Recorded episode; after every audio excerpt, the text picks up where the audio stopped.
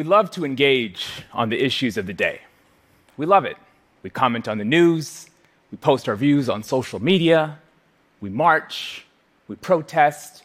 But who among us is working on solutions, big solutions to big issues like gun violence, mistreatment of workers, flood, famine, drought? Who is on it? Boom. These guys. What, you were hoping for Peter Parker? The Avengers? You don't expect this beacon of diversity, these good looking, nicely dressed dudes just oozing charisma to solve the issues? Well, good, because they're actually not going to solve the issues. But before you dismiss them, let me say they're not going to solve the issues, but they will show us how. So, who are they? They're activist investors. Carl Icahn, Dan Loeb, Paul Singer, Barry Rosenstein. These are the modern day OGs of Wall Street. These are scary dudes. I don't mean green goblin scary, I mean real scary. The fear they strike in the hearts of a company's CEO and board when they enter its stock is the same fear you feel when you hear a bear outside your tent and it's dark and you're sitting there with a mouthful of Doritos that just moments ago you had snuck out of the tent to pull down from the bear hang because you had the munchies, that fear. And in that moment, you are praying, Oh Lord, please let this bear be passing through. That bear is not passing through. That bear made a detour for you. Bears like Doritos. Activists like money. Some activists also like Doritos, but they definitely want money. Okay? And the way they make money, the way they create value, is by getting management of corporations to make changes.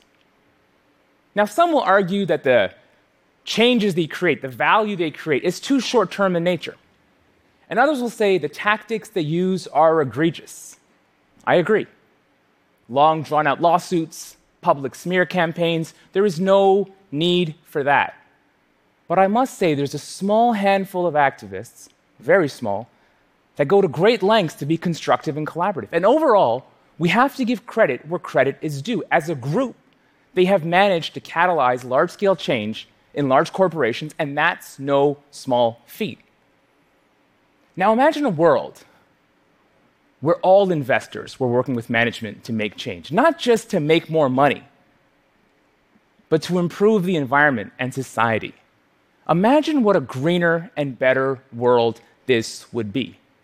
Now, why? Why would an investor bother? And at first blush, I'm with you. Why would an investor care? Because if doing well on ESG issues, environmental, social, and governance issues, was just an act of good corporate citizenship, then I agree, investors would not care. But the good news, and perhaps the saving grace for our collective futures, is that it's so much more than an act of good corporate citizenship. It's good business. There's now enough evidence that shows a clear correlation between ESG performance and financial performance. Companies that do good for the environment and society also do well financially.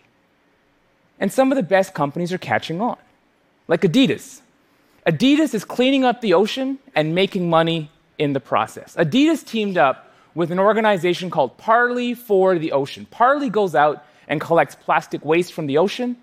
Adidas uses the plastic waste to make shoes. Shoes made with plastic from the ocean. Good for the environment and good for business. Because if you know that rapidly growing consumer segment known as hipsters, and I know you know hipsters, then you know that a hipster faced the choice between a no name shoe and an Adidas made with plastic from the ocean will pick the Adidas every day of the week and twice on Sunday, and then walk around like it's no big deal, but look for every opportunity to talk about them. like, like in an Uber pool. Hey, I, I, I noticed you looking at my feet. What, dude? No, I'm just, I'm just making slides. I, I've, I'm a consultant. I make slides. I'm making a PowerPoint slides. I'm not look. No, it's fine. I get why you would be looking. The plastic on my shoe must be bothering you. Well, let me talk about it for the rest of this ride. You see, the plastic on my shoe is from the ocean. On my feet, not in your fish. Being walked on, not being munched on. Happy feet, happy fish, happy ocean, doing my part. I got eco shoes, I got eco shoes. You need some eco shoes? You need some eco shoes?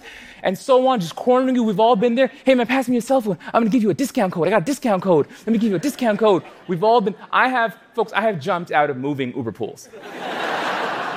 just psh, moving, highway, psh, I'm out, I'm out.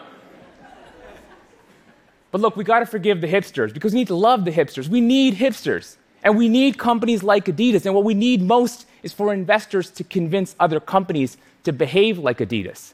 And herein lies the challenge. There's a growing body, a growing group of uh, investors, call them conscious investors. Conscious investors care about ESG issues. And they talk a lot about engaging management on ESG issues. But they don't actually get management to make changes that will improve the environment and society. And this is where conscious investors can take a page from the playbook of the activist investors. Because the activist investors have no issues getting management to make changes. They have no issues turning up the heat. You know, take Paul Singer. He's an old school Wall Street OG, now in his 70s, loves Doritos, loves making money. Argentina owed Paul $600 million and would not pay. Big mistake. You can't take money from an OG and not pay back. Paul went to war with Argentina. I'm not making it, this, I'm not inventing. This is big. This is huge. This is bigger than Tyson versus Holyfield, Ali versus Foreman. This was man versus country. Paul Singer started going around the world trying to seize up Argentinian assets.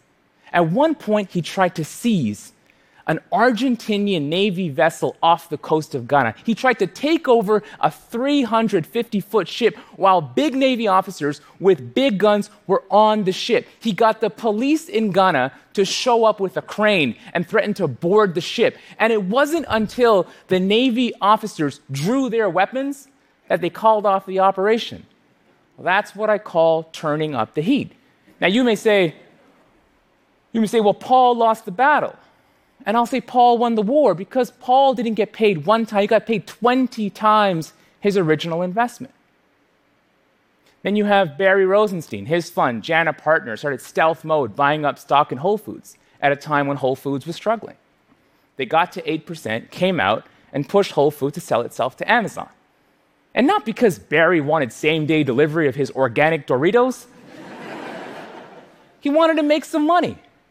Now, the CEO of Whole Foods, John Mackey, and the board did not want to sell themselves to, Whole Foods, to, to Amazon, because that would be the prime example of selling out. But in the end, they caved. Why? Because Barry turned up the heat.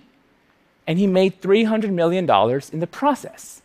And he did not leave a very nice impression on John. Okay? You're not going to see John and Barry just hugging it out at the Whole Foods cafe. Let's take a very different example now the Chicago Teachers Pension Fund, a $10 billion conscious investor. They recently came out hard against private prisons in the US, and good for them. As a new parent, I tell you, I'm troubled by devastating images of young children being ripped out of the arms of their parents at the US border and being placed in private detention facilities that did too little to help the kids maintain contact with their parents. So, what did the Chicago teachers do? Did they get management to make changes? Did they turn up the heat? Did they look management in the eye and say, This is no way to run a business? There's a different way to do things. Let me show you? No. They just sold their stock.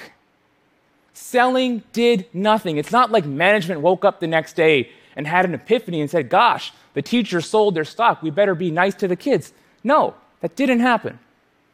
And despite a decade of several high profile divestitures, in private prison stock in the US. The stock has continued to climb. The stock over that same period has outperformed the market. And the biggest issue is we went from a set of conscious investors owning the stock to it potentially being owned by investors who don't care about these issues and don't care what you think about these issues. And this is my issue with conscious investors. Their MO is to divest or divert money into ESG focused funds. You can't divest your way to a greener world. You can divest your way to a greener portfolio, not to a greener world. So, what's it going to take? What's it going to take to flip the script, to get conscious investors to go from divesting to engaging, to go from talking about engaging to actually working with management to make changes that will improve their ESG performance. Because there's a lot suggesting they should and they could. They should, given the clear correlation between ESG performance and financial performance. They could because the activists have shown us they could. A shareholder can drive change in a company. The difference is Paul and Barry do what they do to make money. The conscious investors would do it to improve society and the environment and make money in the process and do it a little more collaboratively and constructively. And they'd have the backing of some of the largest investors, Vanguard and BlackRock. Together, they, own, they manage trillions. They've been increasingly vocal about the importance of ESG. The CEO of BlackRock has been increasingly vocal in his annual letters about, about this issue. Even JANA Partners, the same OGs that John called greedy bastards, recently co wrote an open letter to the board of Apple saying, hey, your smartphones are addictive for children. Fix it. Apple is working on it. So, what it's going to take is some pressure. It's going to take some pressure on conscious investors to, in turn, put some pressure on management to make changes that will improve the environment and society. And where do they start? They start by picking an issue that, that, that, matters to them and taking a stand on it. Take a stand on an issue that lines up with your purpose water preservation, labor rights, diversity. As long as it lines up with your purpose, you are golden. And the biggest unlock get the senior most, invest, senior most investment professionals focused on this. Today, when an activist shows up to a campaign, it's the senior investment professional talking to the CEO and the board, and everyone hears about it. When a conscious investor shows up to talk about an ESG issue, it's some junior person in the risk department talking to some junior person in the investor relations department, and nobody hears about it. And that needs to change. And it's not some massive leap. Today, when a company underperforms financially, who's on the hook? The senior investment professional.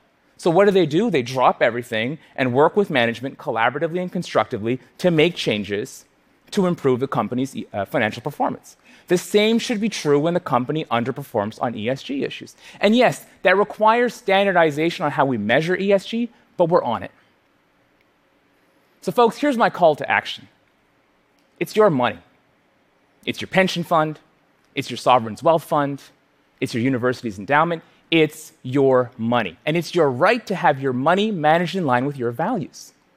So use your voice and trust that it matters. It was your voice that got the investors more conscious in the first place. You protested for years because you didn't feel right about your money being invested in companies whose values don't line up with yours.